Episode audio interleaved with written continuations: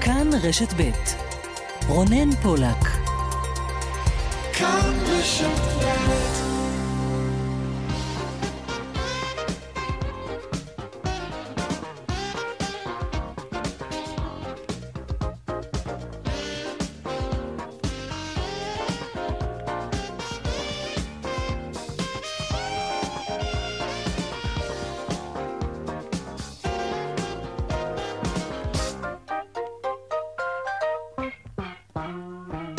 עכשיו ארבע ועוד שש דקות, צבע הכסף, התוכנית הכלכלית כאן ברשת ב', שלום לכם, תודה שאתם איתנו. שאלה, מה אתם בעיקר קונים ברשת? בגדים, נעליים, אה, מוצרי אופנה כלומר, אולי בעצם אלקטרוניקה או גאדג'טים, כל מיני אביזרים, חפיצים כמו שאומרים בעברית.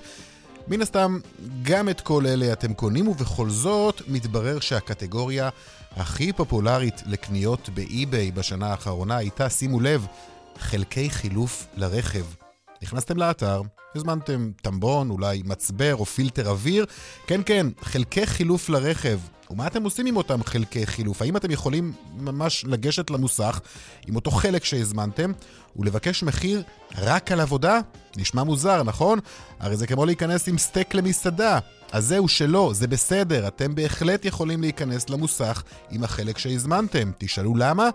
כי זו בין השאר אחת הדרכים של משרד התחבורה ורשות התחרות להביא להוזלת חלקי החילוף בארץ. אלא שזה כמעט ולא קורה. ואז אנחנו מחפשים את המוצרים האלה ברשת.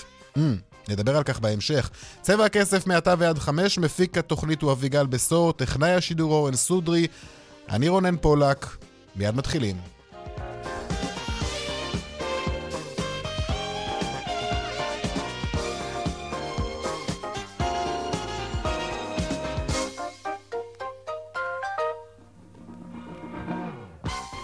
פותחים כרגיל בכותרות צבע הכסף. המחיר הכלכלי למשק מתאונות הדרכים נאמד במיליארדי שקלים, כך עולה ממחקר חדש שנערך בנושא. מיד נדבר עם עורך המחקר, הוא יסביר לנו מהם הגורמים המרכזיים שמונעים ירידה בעלות הזאת למשק. חברת אל על שוב נשארת לבד בטיסות הישירות לבנקוק, זאת אחרי שארקיע נטשה את קו הטיסות לתאילנד. האם אנחנו נרגיש את זה גם בכיס? שלום לך, כתבנו לענייני תחבורה, שרון עידן. כן, שלום אה, רונן. בעצם לאחר שבימים האחרונים, בתקופה האחרונה, ארקיע יצאה למעשה משוק הטיסות לבנקוק שבתאילנד, קו אה, שבסופו של דבר כנראה לא כל כך הצליח. אל על אה, לא נשארת אדישה ומתכוונת להרחיב את פעילות הטיסה שלה למדינה. צריך לעדכן שבעצם כרגע תדירות הטיסות לתאילנד תגיע לשתי טיסות ביום ועד 11 טיסות אה, בשבוע. בעצם אל על מחליטה גם להרחיב את הפעילות בין היתר אה, על ידי מטוסי ה-787, הדרימליינרים, שייכנסו גם הם לקו במקביל לפעילות של מטוסי הבואינג 777 הוותיקים יותר.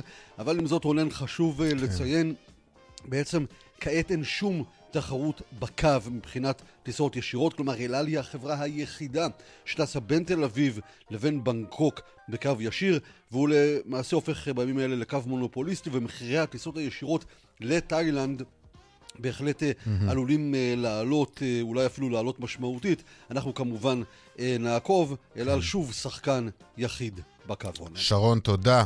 שבוע אחרי שעלה באש אחד המחסנים של חברת הולנדיה במתקפת הטילים מעזה בשבוע שעבר, נחזור בהמשך למפעל הזה, נברר האם כל הפעילות שם חזרה גם היא לשגרה. הרשות להגנת הצרכן ולסחר הוגן הטילה קנס בסכום של אה, כמעט 400 אלף שקלים על חברת ג'רוזלם פוסט. הקנס מגיע לאחר שהרשות התרשמה כי ג'רוזלם פוסט הטעתה את אה, לקוחותיה בנושא דמי הביטול של קורס האנגלית של החברה, הלייטוק. הנה דברים שאומרת לצבע הכסף אניטה יצחק, סגנית הממונה וראש אגף חקירות ומודיעין ברשות להגנת הצרכן ולסחר הוגן. עם קבלת סיכום העסקה מהחברה, גילו הצרכנים שתנאי העסקה שונים ממה שהוצג בפניהם, ואפשר שחלק מהצרכנים היו בוחרים שלא להתקשר עם החברה, לו ידעו בבירור את כל תנאי העסקה, כולל תנאי הביטול. לאור זאת נשלחה הודעה על כוונת חיוב לחברה, המשקפת את חומרת הפגיעה בצרכנים. ועוד בצבע הכסף בהמשך, מדוע עיריית טבריה דורשת uh, מהעסקים ובתי המלון בעיר תשלום עבור אשפה חריגה? מה זה בכלל אשפה חריגה? וגם הפינות הקבועות שלנו חיות כיס כרגיל מדי יום בסביבות ארבע וחצי, והדיווח היומי משוקי הכספים, צבע הכסף עד חמש, מיד ממשיכים.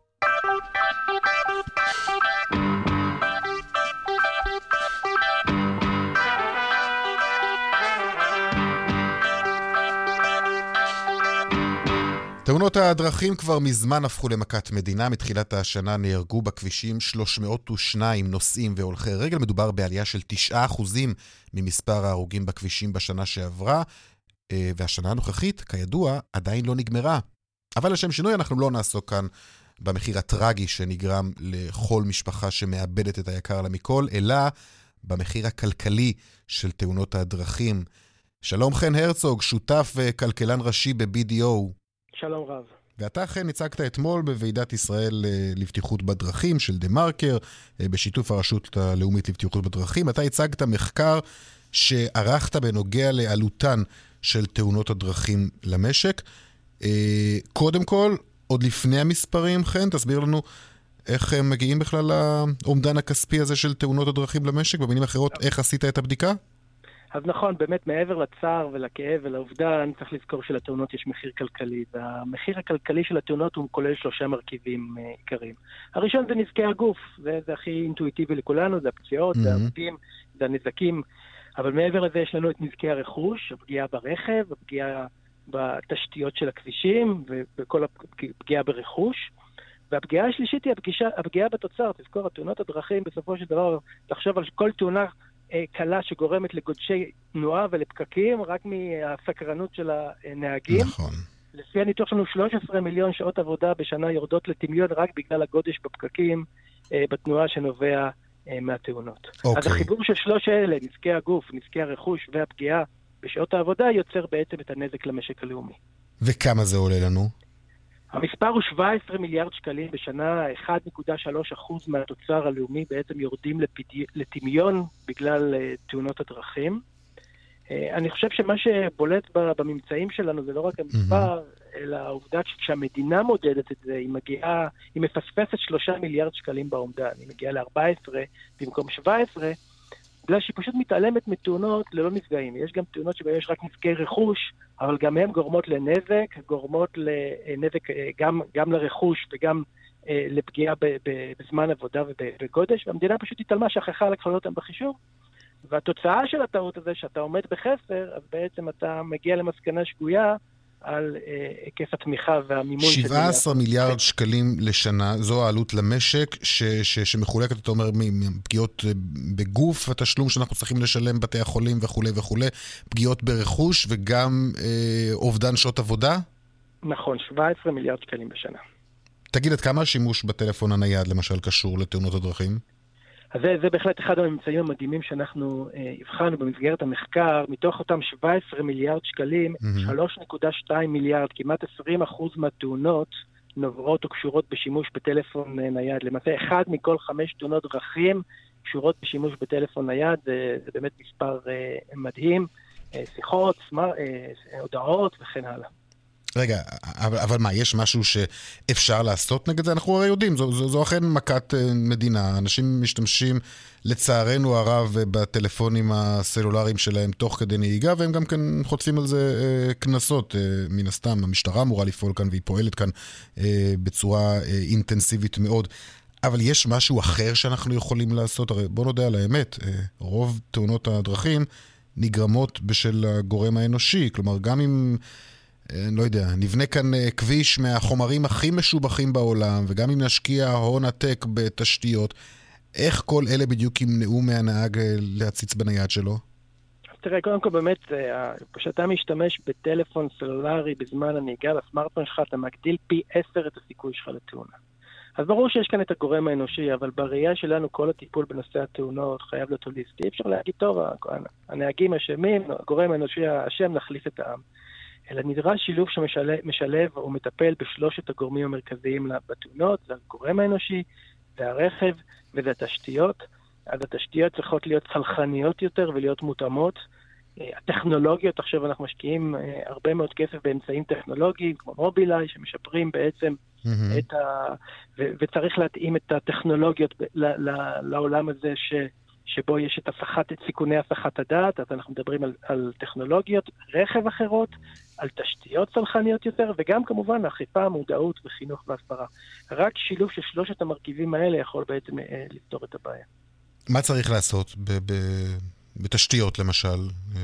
תראה, אחד, אחד מהממצאים המדהימים שלנו, שאתה מסתכל רגע על איפה הולך היום הכסף הממשלתי, וכשאני אומר לך תאונת דרכים, אתה ישר חושב על תאונה בכביש הבין-עירוני, ושם באמת נמצאות מצלמות המהירות והאכיפה של הניידות. Mm-hmm. אבל אנחנו בעצם גילינו במסגרת המחקר, שמתוך אותם 17 מיליארד שקלים, 60 אחוז, 11 מיליארד שקלים, הם בכלל במרחב העירוני, בערים, בפגיעות דורך רגל, באופניים, בתאונות בערים. ששם בעצם צריך מדיניות לגמרי שונה, צריך אה, לבנות, להתאים את תשתיות העירוניות למציאות החדשה. אה, תחשוב רגע על השימוש באופניים שנכנס יותר ויותר והוא מבורך, הוא מוריד אה, עומס, אה, הוא מוריד גודש, הוא מוריד זיהום, אבל הוא דורש תשתיות מתאימות, והיום הכבישי, הכבישים בערים בישראל לא מתאימים לעולם שבו יש אופניים, קורקינטים, אה, לצד מכוניות והולכי רגל.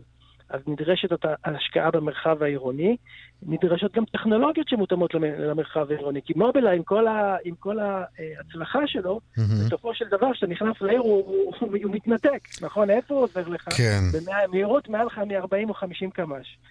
אז בעצם צריך טכנולוגיות מתאימות, צריך אה, תשתיות צלחניות למרחב העירוני, צריך, תראה, כל הנושא של אה, שבילי אופניים הוא פרוץ, okay. אין אוקיי. היום תקן מחייב, אין מדיניות. אין מימון ממשלתי לתשתיות בתוך הערים.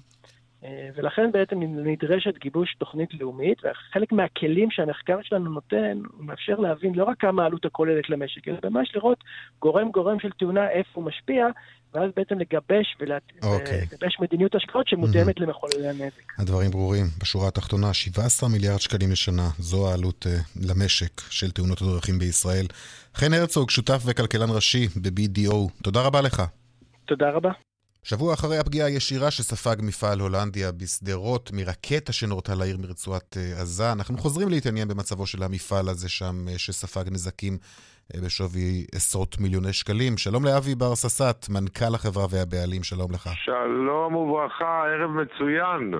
אז בינתיים כולנו חזרנו לשגרה. גם אתם, גם אתם הצלחתם? האמת שאנחנו חזרנו לשגרת עשייה מבורכת מאוד. אה, אני מדבר איתך כרגע מהמפעל, אה, למרות שזה כבר לא שעה שמפעלים עובדים אולי, אבל אנחנו פה בשיא המרץ אה, עובדים. האנשים הנפלאים שלי גם עובדים הרבה יותר שעות וגם עובדים במרץ משגע. רגע, הצלחתם להדביק את הפערים? אנחנו מדביקים עכשיו את הפערים. ורוצים לעמוד בהתחייבות אה, ללקוחות הנדרים שלנו ולהביא להם את המיטות והמזרנים שלהם בזמן.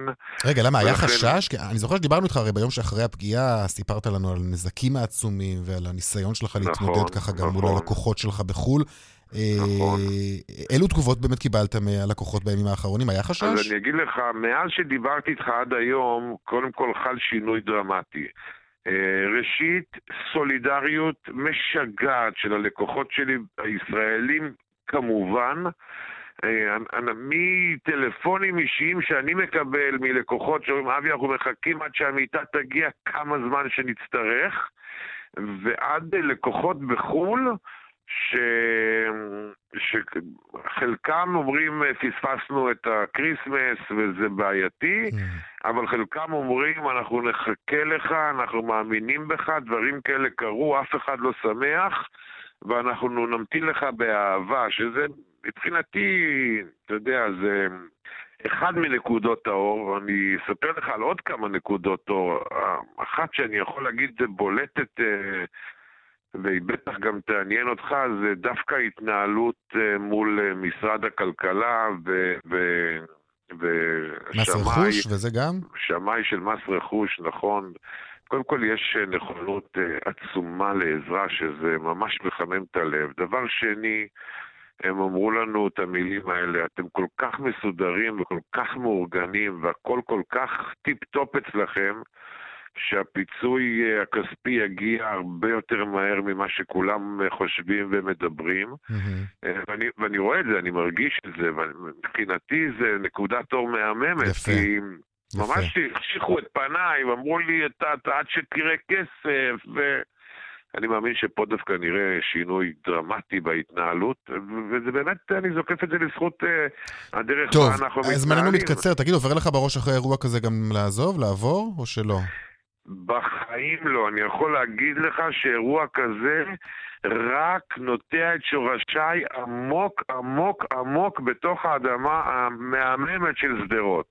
זו הבטחה שאני נותן לך עכשיו בשידור ולכל המאזינים, והבטחה שאני אומר יום-יום לעובדים המדהימים שלי. יום-יום אני אומר את זה. יפה. ממש כך. אבי ממש ברססט, מנכ"ל אה, החברה, מנכ"ל אה, הולנדיה. תודה רבה לך. תודה לכם וערב טוב. חגי נובמבר כבר כאן, אה, דיברנו כאן לא מעט בימים האחרונים על ימי הקניות המיוחדים ברשת ובחנויות.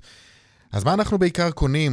אה, ברשת אי-ביי מיפו את הרגלי הקניות שלנו והתוצאות מעניינות. שלום אה, נטלי זיו, ראש מערך הדוברות והתקשורת של אי-ביי ישראל, מזרח אירופה, אפריקה ורוסיה, שלום לך. אהלן, אחר צהריים טובים. בואי נלך ישר לשורה התחתונה. מה הקטגוריה הפופולרית ביותר? אה, באופן מפתיע, אולי אה, יפתיע את המאזינים שלנו, אז חלקי חילוף לרכב.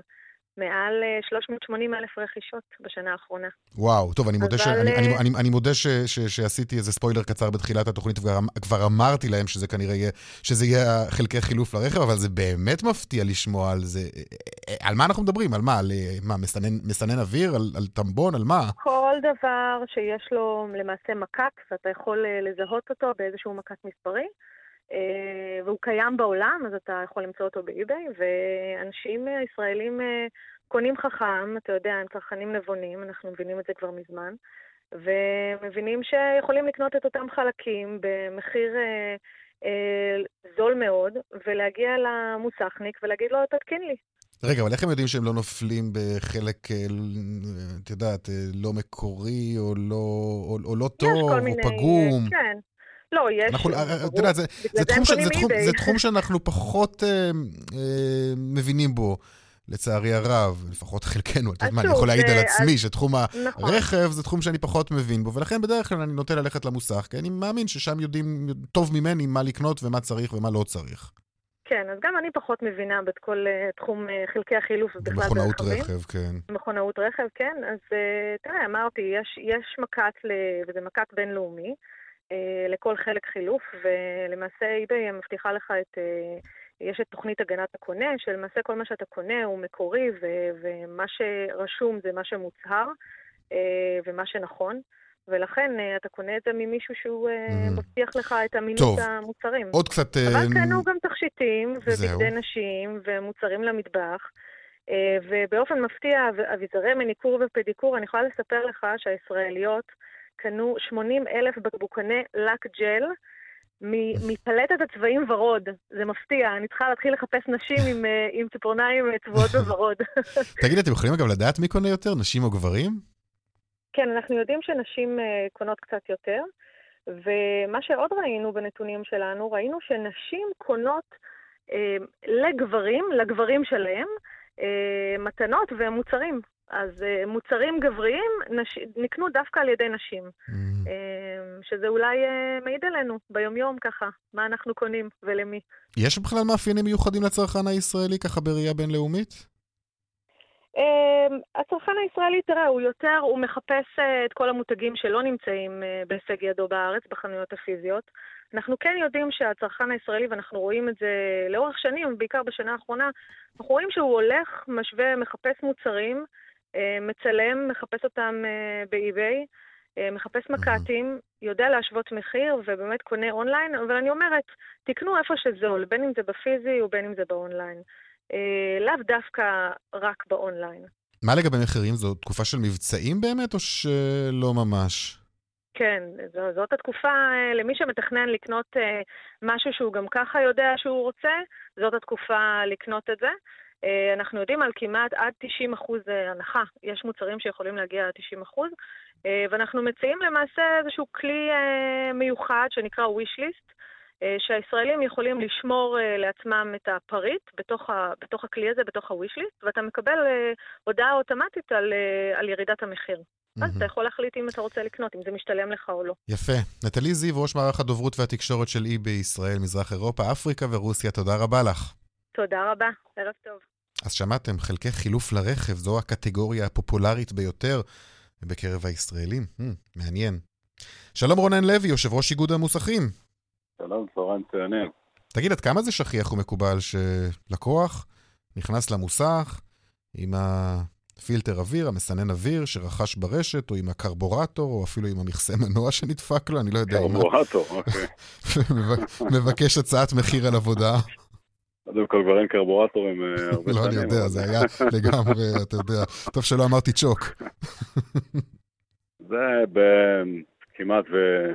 מספרים זניחים לחלוטין, גם כשמפרסמים כל פעם בכל, בכל אה, החברות האלה שמתווכות אה, בצרכנות מקוונת, אומרים חלקי חילוף זה לא בדיוק חלקי חילוף, כי לחלקי חילוף יש מס אתה לא יכול להביא חלק חילוף אה, ככה... אה, אתה שומע, תשמע, אני לא יודע, אני לא יודע אם שמעת את השיחה הקודמת שלנו, היא מדברת, כן. דיברה איתנו הנציגה של אי-ביי על 360 אלף מוצרים, כמדומני זה מה שהיא אמרה, חלקי חילוף. כן, נכון, גם פעם שעברה, שהם יצאו בהודעה אוקיי, כזו, והסתבר שזה אביזרים, כמו, נשים את זה בקטגוריה של חלקי חילוף. אז זה לא כל כך מדויק ש... שזה הקטגוריה. Mm-hmm. אביזר לרכב, או נגיד מעמד לטלפון. אני מניח שזה לא עץ ריח. אמ, לא, אז אני אומר, דווקא פעם שעברה כן בדקנו את זה, היום לא הספקתי לעשות בדיקה לעומק, אבל בגדול זה לא, עדיין לא תופעה, גם בגלל הבירוקרטיה שעומדת מסביב לעניין של הבאה של חלקי חילוף, אחד. שתיים, זה נורא נורא מסובך היום, לאתר באמת חלק חילוף. יש כל כך הרבה דגמים, וגם בתוך דגם מסוים של רכב יש uh, תתי דגמים. אתה יודע, אבל זה לא מדליק לך... לכן זה מאוד מאוד מורכב להוציא מספר קטלוגי, גם לנו היום, בעלי המקצוע, אבל אתם מפרסמים אותם? אנחנו יודעים, אני יודע היום כל מוצר ומוצר במוצר כמה יעלה לי? ודאי, אבל גם כשאתה תבקש הצעת מחיר, הוא לא יכול לשלוף לך מהמותן הצעת מחיר. הוא ייקח לו איזה שעה או שעה וחצי. למה לא בעצם? לאתר. יש מחירון של, של חלקי חילוף, לא? אגב, יש, גם, אתם מחויבים גם להציג את, ה, אה, את החלק המקורי לכ... ואת החלק לכ... הלא מקורי. נכון. כשאתה נכנס לקטלוג היום של אה, רכב מסוים ספציפי, אז אתה צריך להתחיל לבחור אם זה דגם אה, מפואר או לא דגם מפואר. למשל, תיקח מראה, יש לפעמים בחלק מהמכוניות תשע רמות של מראות. כזו עם, אה, עם מצלמה אחורית, וכזו בלי, וכזו עם חימום, וכזו עם. בלי. אתה צריך להיכנס לקטגוריה לפי מספר שלדה, ולנו לפעמים לוקח כמעט שעה וחצי, שעתיים, לאתר מכת. לכן זה הרבה יותר מורכב. אחר כך יש גם את כל סיפור המס והמילות מכס ושינוע, זה לא... תראה, זה לא סוד שבמשך שנים גם משרד התחבורה, גם רשות התחרות, מנסים ככה שוב ושוב להביא לירידה במחירי חלקי החילוף. כי המחירים האלה, צריך להודות, הם יקרים, אפילו יקרים. בוא, בוא, שנייה, שנייה. שנייה, אה, רונן, שנייה. המחירים האלה יקרים. אה, והם עדיין באמת אה, אה, נכון. גבוהים מאוד, ונדמה לי שגם כל הצעדים שעשו לא הועילו. אני קראתי לפני כמה ימים בכלכליסט, שרשות התחרות החליטה גם לעשות קצת סדר בענף הזה של חלקי החילוף, וגם אתם, לא- המוסכים, לא וגם יבואני הרכב, התבקשתם לחשוף מידע על מחירי רכישה ומחירי התקנה של חלקי חילוף. זה לא, זה לא פעם ראשונה, אנחנו, אני רואה את הרבה הודעות לעיתונות, אבל כשאני, בסופו של דבר, כשאין תוצאות, זה נחמד מאוד שרשות התחרות, וזה כבר לא פעם ראשונה, חושפים נתונים, והרבה מוסכים שעכשיו משתפים פעולה וחושפים נתונים, זה לא הבעיה, הבעיה היא בלעדיות ואי תחרות, אה, וגם מיסוי. אה, אי אפשר להשוות חלק אה, שעולה בחו"ל 100 דולר והמס עליו הוא 50 אחוז, אז הוא כבר מתחיל כאן ב-150 דולר. שתיים, יש לו יבואן בלעדי בישראל, שבאירופה כבר השווקים פתוחים. הגבולות פתוחים. אז בטח שיש הרבה מה לעשות, אבל רשות התחרות, כשהיא מחפשת, אה, העיקר לא לגעת ביבואני הרכב או במישהו בלעדי, בשיווק במשהו, זה לא, זה לא יעזור. Mm-hmm. לכן יש שתי אופציות, או לפתוח את התחרות הזאת, וגם המדינה צריכה להכניס בסופו של דבר את היד לכיס אם היא רוצה להוזיל את העלויות, ולא להעמיס כל הזמן מיסים מיותרים, והרי אנחנו משלמים גם מס וגם מע"מ ומע"מ ומס על מס, ואחר כך אתה משלם גם את המע"מ כצרכן בחוץ, וזה מע"מ על מע"מ. אז היא, המדינה כבר גורמת לעיקור ראשוני של המוצר. עוד לפני שהוא נכנס. ואחר כך בא חבר כנסת ואומר איך יכול להיות ששם זה עולה 100 כן. דולר. אתה יודע מה, בוא אני אתן לך דוגמה שאביגל בסור המפיק שלנו פה אה, שולח לי ממש אה, תוך כדי שיחה איתנו. הוא קנה כרית אוויר לרנו, במוסך הוא נדרש לשלם על כך 2,400 שקלים פלוס מע"מ, ובחו"ל אה, הוא קנה את זה ברשת ב-100 יורו, ב-100 אירו. עוד פעם, אין מחלוקת שהמוצרים כאן יותר יקרים ביפר גם אחרי המיסוי, אבל זה נובע מחוסר תחרות. ועל זה רשות אה, התחרות אה, צריכה להתעסק. צריכה למעשה לוודא שאו שתהיה תחרות או שתפקח על המחירים. אין דרך אחרת. או שפשוט אה, נבוא עם ה... או שפשוט אני אבוא עם הכרית אוויר הזאת למוסך, ואתה אתה- אתה- אתה פשוט תצטרך בסופו של דבר, על פי התקנות גם של אין, משרד באופן התחבורה, אתה תצטרך לעשות את זה, באופן את העבודה. עקרוני, אם אתה מביא את החלק אה, כדין, אין שום בעיה, גם מוסכים Mhm. עושים את זה, מרכיבים, אף אחד לא... בעניין הזה, האישום הזה של המוסכים הוא אישום פולס. כי עוד פעם, לא רוצים להתעסק עם מי שמייבא את החלקים ולתמחר אותה. אוקיי. וככל שזה ימשיך ככה, הדיון הציבורי הוא דיון שהוא סתם, הוא פייק. לא, הוא לא דיון פייק, אנחנו פשוט בסופו אה, של דבר ימשיכו בשורה התחתונה. רוצים לשלם אה, פחות לא, אני מדבר אה, לא על עליך, אני מדבר כמובן, אני בסופו של מדבר דבר, על ה- על כל הרשויות. פעם שאנחנו נכנסים אה, למוסך, אז אין מה לעשות, אתה תמיד יוצא אבל עם עוד סיפ- פעם, זה סיפור המוסך של עצמו כמה גם אלפי שקלים. קונה את המחיר, אני גם היום כן, מוסכים קונים בהרבה יותר יקר מאשר אוקיי. אם המוסך היה מביא אותו מחו"ל, והוא לא יכול להביא אותו מחו"ל. המוסך עצמו, כי הוא מסחרי, הוא לא יכול להביא ביבוא אישי מחו"ל בשביל למכור לך יותר בזול. רונן לוי, אם אני הייתי אה, המוסך עצמו יכול לקנות אותו ביבוא אישי, בזול, ולמכור לך יותר בזול, אבל זה אי אפשר, לזה, באופן חוקי היום חסמו את זה. יושב ראש איגוד- יושב ראש איגוד המוסכים, רונן לוי, תודה רבה לך. bye bye.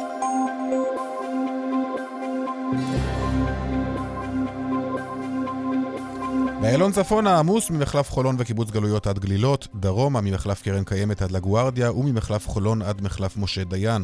בדרך 6 דרומה עומס כבד מנחשונים עד מחלף בן שמן בגלל מטען שנשמט ממשאית, צפונה ממחלף נשרים עד בן שמן, ממחלף קסם עד מחלף אייל וממחלף עירון עד מחלף עין תות. דיווחים נוספים בכאן מוקד התנועה כוכבית 9550 ובאתר שלנו פרסומות עכשיו אחר, ומיד אחר כך חיות כיס.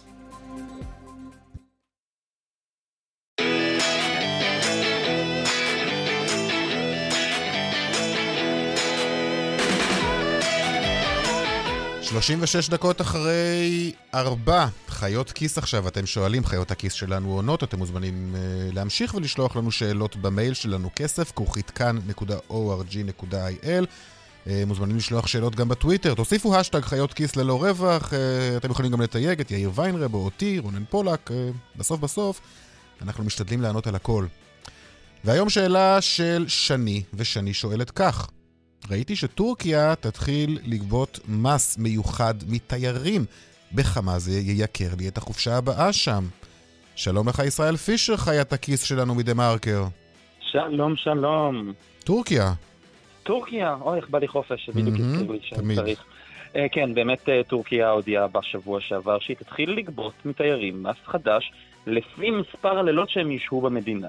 המס גם ייקבע לפי רמת המלונות שבהם ישהו תי- תיירים, כך שזה יהיה בערך שלושה יורו ללילה לאדם במלון של חמישה כוכבים, ועד 80 יורו סנט במלון של כוכב אחד ללילה לאדם. רגע, למה? טורקיה סובלת מתיירות יתר? טורקיה היא אחת מעשר המדינות המצוירות בעולם, אבל במקרה של טורקיה זה לא תיירות אה, יתר, יש שם בערך 40 מיליון אה, תיירים בשנה. במקרה של טורקיה זו מצוקה תקציבית. אה, 400 מיליון יורו בשנה זה יכניס לקופת המדינה לפי התחזיות של אה, משרד האוצר הטורקי, וזה משמעותי במדינה שנאבקת וזה, באינפלציה נכון, אבל זה גם. בהנחה שאתה אומר ש... שאנשים לא יחליטו לב... ללכת ליעד אחר בגלל המס הזה. אה, אז זהו, זה עשיתי חישוב קטן עם משפחה של שני הורים ושלושה ילדים. אה, ילדים מתחת לגיל 12 לא יצטרכו לשלם את המס הזה. מהמם. אז אה, משפחה של שני הורים ושלושה ילדים, זה בערך ייקר את החופשה ב-100 עד 150 שקלים, לא יותר, זה כל הסיפור. וטורקיה ממש לא המציאה את המס, כי עוד ועוד מדינות מתחילות להטיל בשנים האחרונות מיסי תיירות. חלק מהמדינות עושות את זה כמו בטורקיה, כשזה חלק מהתשלום במלון, ובחלק מהמדינות גובים את המס ביציאה מהמדינה, גם לפי אורך השהות. האמת היא שהמס החדש בטורקיה נמוך ביחס למדינות אחרות באירופה. יותר מ-40 מדינות בעולם גובות כיום מס תיירים, בבהוטן דרך אגב, אבל לא נראה לי שמישהו מהמאזינים ייסע לשם. בתאילנד, אני זוכר. יש גם מס מלך או משהו כזה. משהו כזה, כן, כל מקום קוראים לזה שם אחר, 200 דולר ביום. יפן קבעה בתחילת השנה מס תיירים של אלף ין, שאתה משלם אותו ביציאה מהמדינה, והיא הולכת להרוויח הרבה ממנו באולימפיאדה. גרמניה, איטליה, מיסים לתיירים משתנים לפי עיר. ביוון יש המתחרה הגדולה של טורקיה בנושא התיירות, גם יש מס גבוה יותר לתיירים. זו דרך של כמה מדינות לנסות להילחם גם, כמו שאמרת, בתיירות היתר.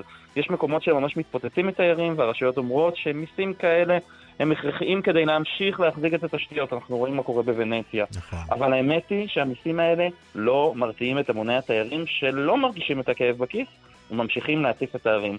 אז יש לי תחושה שגם 100 שקלים הנוספים לחופשה של שני בטורקיה לא ירתיעו אותה יותר מדי, וכדאי טיפ קטן, כדאי לשים לב למיסים כשמזמינים את החופשה, ברוב אתרי האינטרנט אתם רואים את המחיר ללילה או לכל הלילות בגדול, ואז למטה כתוב בקטן, פלוס איקס כסף, מיסים והיטלים. אז כדאי לשים לב, סתם שלא יהיו הפתעות. ישראל פישר, דה מרקר, תודה רבה לך. תודה, תודה, להתראות. בהשקעה של אה, כחצי מיליארד שקלים נפתח היום עוד מתחם קניות עצום בגודלו בבאר שבע. סינימה סיטי, אה, מתחם אה, ראשון בדרום, קומפלקס קולנוע גדול שני ברדיוס של שני קילומטרים. האם העיר הרוויה בשטחי מסחר תוכל להכיל עוד 50 אלף מטרים כאלו? אסף פוזיילוב, כתבנו בדרום, מדווח. על פי משה אדרי המפיק ובעל רשת הסינמה סיטי, הקומפלקס שנחנך היום היחיד בדרום הוא הגדול והיקר ביותר בישראל מתוך שישה בארץ. עלותו כחצי מיליארד שקלים, משתרע על פני שלוש קומות, 50 אלף מטר מרובע, כולל 26 אולמות, תיאטרון של 800 מקומות, אולם הופעות זאפה, משטח קרח ושלג והמון מלכודות מסחר לילדים במחירים לא נמוכים בכלל עבור ההורים. משה אדרי הסתובב נרגש היום ואמר, זה היה חלומו הגדול ביותר של אחי ליאון שנפטר לפני שהגשים אותו. לא רחוק מכאן יש uh, עוד מעין סינמה סיטי בשם יס פלנט. נכון. ובאר שבע היא המקום uh, היחיד בארץ עם מספר uh, שטחי המסחר הגבוה ביותר לתושב. בעצם. כמה זה יכול להיות רווחי בעצם בעיר הזאת? שמע, אני לא אומר שאין סיכונים, אבל, אבל זה פרויקט שיביא קהל מכל האזור. יובלע גם שטחי מסחר אחרים כאן? זה יכול להיות? אני מקווה שלא, אני מקווה, יש פרנסה לכולם, זה פרויקט מיוחד, זה מרכז בידור וזה לא קניון רגיל, ולכן אני חושב שננצח את כולם. כ-600 אלף איש בבאר שבע רבתי, כ-230 אלף בעיר עצמה. שני קילומטרים מהקומפלקס הענק החדש, קומפלקס דומה מאוד, איש פה פלנט. רק בבאר שבע עצמה שבעה קניונים גדולים או ענקיים, בבנייתם של החדשים התבססו על עיר הבה"דים, שכמעט ולא הצליחה להביא אנשים לנגב. בעשור הקרוב אמורות להיבנות בבאר שבע עוד כ-20 אלף דירות. באר שבע וראשון לציון מתחרות שנים על היחס שבין שטחי מסחר לתושבים, אפילו לפני תל אביב. ואין ספק שעם כוח קנייה מוגבל, לא כולם יכולים להרוויח באותה הצורה. הנה דוקטור יודן רופא מהמחלקה לגיאוגרפיה ופיתוח סביבתי באוניברסיטת בן גוריון. הרבה מאוד מהמרכזים שנבנו באופן היסטורי מסביב באר שבע במידה רבה פגעו במסחר ובפעילות שהייתה בתוך העיר, וזה כבר ראינו. מודה שאני לא תמיד מבין את ההיגיון מאחורי הקמה של אה, עוד ועוד דברים, בדיוק, במיוחד אם זה דברים מאותו סוג, וממש ליד משהו שלידם. הסינמה סיטי החדש פתוח כבר היום בבאר שבע. הפתיחה הזאת היא לקראת יום חמישי, יום הקולנוע בעשרה שקלים, שמהווה יום שיא ברווחים. יפה. פינוי אשפה. אתם יודעים, זה חלק בלתי נפרד מתפקידה של כל רשות מקומית, חלק ניכר מהתשלום עבור פינוי האשפה, בין אם מדובר באנשים פרטיים או בין אם מדובר בעסקים. אה, זה אנחנו מממנים באמצעות תשלומי הארנונה כמובן, אלא שלעיריית טבריה היה רעיון אחר, לחייב עסקים על אשפה חריגה. והסוגיה הזאת הגיעה לבית המשפט שקבע שאין דבר כזה. שלום לעורך הדין איציק לזר ממשרד אה, עורכי הדין אה, גורניצקי ושות', מי שעתר בשם התאחדות בתי המלון נגד עיריית טבריה על הבקשה הזאת. שלום לך. שלום וברכה, ערב טוב. תסביר לי בעצם מה הכוונה. זה, זה סוג של overweight uh, שעיריית טבריה ביקשה מעסקים ובתי מלון על uh, יותר מדי אשפה? כן, למעשה העתירה שאנחנו הגשנו עסקה בשאלה מאוד uh, פשוטה. האם יעלה על הדעת שעיריית טבריה, כמו כל רשות מנהלית אחרת, אני אומר בסוגריים, יכולה להחליט ביום בהיר אחד שהיא גובה תשלומים נוספים, כמו שאמרת בצדק, תשלומים נוספים, כי אנחנו, בתי המלון ממילא משלמים אגרה במשך כל השנה בגין השירותים האלה, האם היא רשאית לגבות תשלומים נוספים בגין השירות הזה של פינוי אשפה. וזה, וכל זה כשאין לה סמכות מסודרת בדין לעשות את זה, בלי חוק עזר מתאים, ולמעשה, להבנתנו, בניגוד לדין. אה, לשמחתנו, ברוך השם, בית המשפט אה, בפסק הדין שלו מיום ראשון נתן תשובה מאוד מאוד ברורה, לא רבתי. צריך לעשות את הדברים בצורה מסודרת, צריך לחוקק חוק עזר מתאים, צריך לעשות את הדברים כמו שצריך, וגם אז להעמיד את הדברים למבחנים, שכל זה לא נעשה במקרה הזה, ולפיכך הוא פסל את ההחלטה של העירייה וביטל אותה למעשה. רגע, אבל בוא נגיד ככה, בוא נגיד שבית מלון יש לו באמת השפעה חריגה יותר, ו... ו... ו... והרשות יכולה או, או, אמורה להוציא כך וכך השפעה אה, מאותו בית מלון. למה לא לחייב את אותו עסק על uh, ההשפעה היתרה, כפי שזה מוגדר? אז, אז זו, זו הנחת המוצא הזו, הנחת מוצא בכל הכבוד מוטעית. להבנתנו, וזה למעשה לא השאלה שעמדה לפתחו של בית המשפט במקרה הנוכחי, להבנתנו, אבל בכל מקרה, לבתי המלון, בתי המלון לא מייצרים השפעה חריגה. הם למעשה מייצרים השפעה דומה להשפעה הביתית. מה, רגע, מה זה השפעה נכון? חריגה בכלל? אז בדיוק העניין, הנושא עוד לא מוגדר כמו שצריך, אין הגדרות מסודרות, האמות מידה שאמורות להיות uh, מותקנות ולהיות, uh, להסביר את הסוגיה הזאת עדיין לא הותקנו ולא הוסדרו, ובכל זאת מנסות חלק מהעיריות, ביניהן עיריית טבריה, לבצע מחטפים, ועוד לפני שהסוגיה מוסדרת, לקבוע על דעת עצמם מה חריג ומה לא חריג, ולגבות כספים. ושוב אני אומר, בלי חוק עזר מתאים, בלי תהליך מסודר, על פי ראות עיניהם. וזו בדיוק הבעיה. אוקיי, okay, בשורה התחתונה, בית המשפט אה, בעצם אה, מקבל את עמדתכם, נכון? נכון, בהחלט מקבל אותה במלואה, הוא בעצם אומר שהתהליך הזה אה, לא יכול לעשות בצורה כזאת על דרך של מחטף, ו- וצריכים להסדיר את הסוגיה הזאת, mm-hmm. ולעשות את הכל בצורה מסודרת באמצעות חוקי, חוקי עזר מתאימים, וגם אז, כמובן, להעמיד למבחן את השאלות האלה שהעלית. האם בכלל יש השפעה חריגה, מהי השפעה חריגה, וכמה אפשר לגבות בגינה. אבל. כל זה עוד היה מוקדם למעשה בעניין שלנו, כי העירייה לא עשתה את כל זה. פשוט החליטה על דעת עצמה שהיא גובה סכומים נוספים. עורך הדין איציק לזר, תודה רבה לך. תודה גם לך, שלום שלום. שלום רון קובי, ראש עיריית טבריה. שלום, אחר הצהריים טובים. מה זה השפעה חריגה? קודם כל, אה, בואו ניכנס להגדרות המדויקות. זה לא השפעה חריגה, אלא השפעה עודפת. השפעה עודפת, למעשה, היא השפעה שהיא לא מיוצרת למשקי הבית.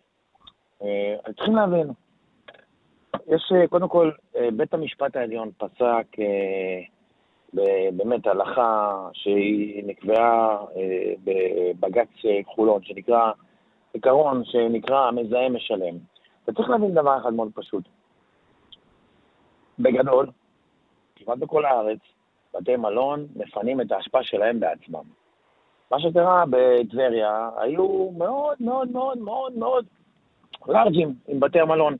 אבל הלארג'יות הזאת עלתה לעיריית טבריה בגירעון של הרבה מאוד כסף. רגע, הם לא משלמים ארנונה לבתי המלון? תן לי להבין. לא, לא, ארנונה, יש הבדל, אתה צריך להבין, החוק אומר שאנחנו צריכים לפנות ארנונה אה, אה, אנחנו צריכים לפנות אשפה ביתית. ותשמע, מפעל מייצר אשפה, אה, מייצר גרט של חומרים. רגע, אז מה בית המשפט לא הבין פה, אם ככה? אני, אני חושב שבית המשפט טעה בהבחנה שלו. כן, מן הסתם. אני, אני, אני, גם בטוח שאנחנו נלך ונעלר. Mm-hmm. ואתה צריך להבין דבר אחד, זה כמו שנגריה, לדוגמה, כן, יש לה פסולת ונסורת, כן. והם היו מפנים את זה לנגריות בטבריה, היו מפנים להם את זה. אנחנו עשינו את זה באותו זמן בדיוק, לכולם, אכלנו את זה אותו דבר.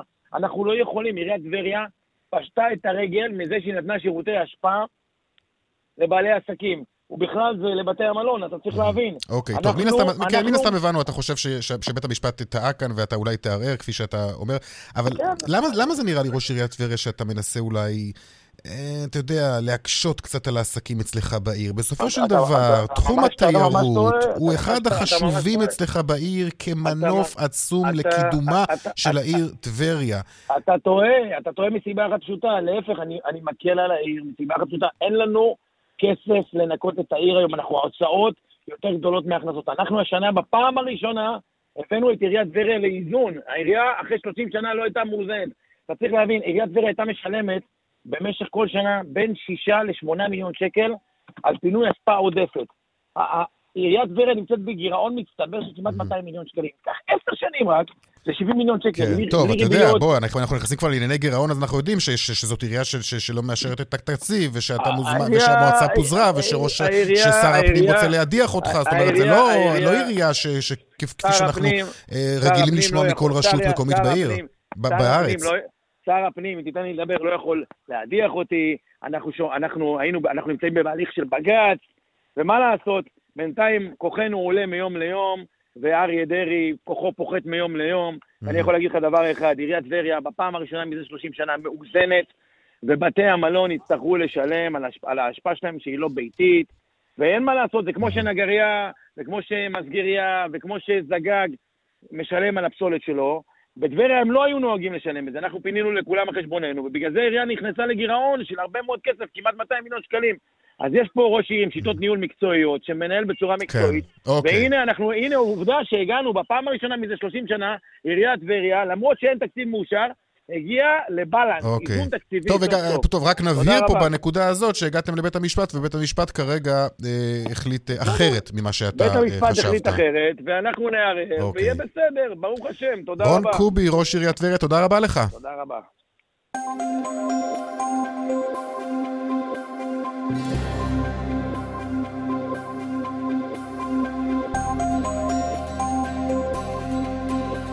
דרך החוף צפונה עמוסה ממחלף חוף השרון עד מחלף גשר השלום, דרומה מאור עקיבא עד קיסריה, בדרך ירושלים תל אביב עמוס ממחלף גנות עד קיבוץ גלויות, בכיוון ההפוך ממחלף בן גוריון עד בן שמן. דיווחים נוספים בכאן מוקד התנועה כוכבית 9550 ובאתר שלנו. שבע דקות לפני חמש, עכשיו לדיווח היומי משוקי הכספים. 102 bid for 100 ace home.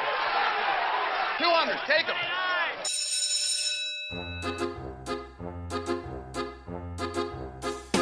שלום אייל ראובן, בעלים ומנכ"ל ארנינגס השקעות. שלום, שלום רונן. מה עשה הכסף שלנו היום? שמע, אנחנו בעוד יום ירוק, אנחנו בסך הכל בתקופה ירוקה וחיובית, ובכלל שנה שעוד רגע אנחנו מגיעים לסכם אותה, שחיובית למדי בשווקי ההון בכלל, גם בשוק שלנו המקומי. אנחנו בעונת הדוחות שמתחילה אצלנו, ונראה שהדוחות צפויים להיות גם אצלנו טובים, מי שהספיקו לפרסם עד כה בסך הכל נתונים טובים, כך שממשיכים ירוק קדימה, תל אביב 35 עם 4 עשיריות למעלה, תל אביב 125 עם 5 עשיריות למעלה, תל אביב נדל"ן עולה היום במעל אחוז, בולטות אצלנו, אפרופו נדל"ן, גזית לוג גלוב שעולה בכ-4% עם העלאת התחזיות, מל"ם טים שעולה בתשעה אחוז, אודות חוזים אה, אה, ודוחות מאוד, טובים שפרסמה. סקטור הסלולר, החבוט ביותר בשנה האחרונה, אם שמתם לב, מקפץ לו ביומיים האחרונים, די בחדות. אתמול סלקום עלתה ב-20 אחוז, היום ממשיכה בעוד 4 אחוז, פרטנר אתמול ב-10 אחוז, היום פתחה חזק וקצת נחלשה לקראת הסוף, עולה ב-0.6. רשת ויקטורי 5% למעלה, בצד היורד דווקא קצת הבנקים, לאומי באחוז, דיסקונט ב-0.6. אירופה חיובי אה, למדי, גם יום ירוק, כאשר אה, הדקס עולה ב-8 עשיריות האחוז והלונדון פוצי 100 באחוז. ארצות הברית, אתמול ראינו עוד פעם שיאים חדשים, המסחר שם עלה, לא חזק, אבל שוב, זה רמות שיא. היום אנחנו פותחים באווירה החיובית, כן. 0.25 נסדק 100, S&P בסביבות העשירית האחוז. נקשיב לשיחות הסחר, זה ייתן את המשך המגמה. דולר לסיום, 3.46 דולר, אירו ללא שינוי מהותי, 3.83 ביחס לשקל. אייל ראובן, כאן. תודה לך. תודה לכם. עד כאן צבע הכסף ליום שלישי. מפיק התוכנית אביגל בשור, טכנאי השידור אורן סודרי, צוות באר שבע, אורית שולץ ושמעון דוקרקר, על דיווחי התנועה, אהוד כהן. אני רונן פולק, תודה לכם על ההאזנה. ערב טוב שיהיה לכם. להתראות.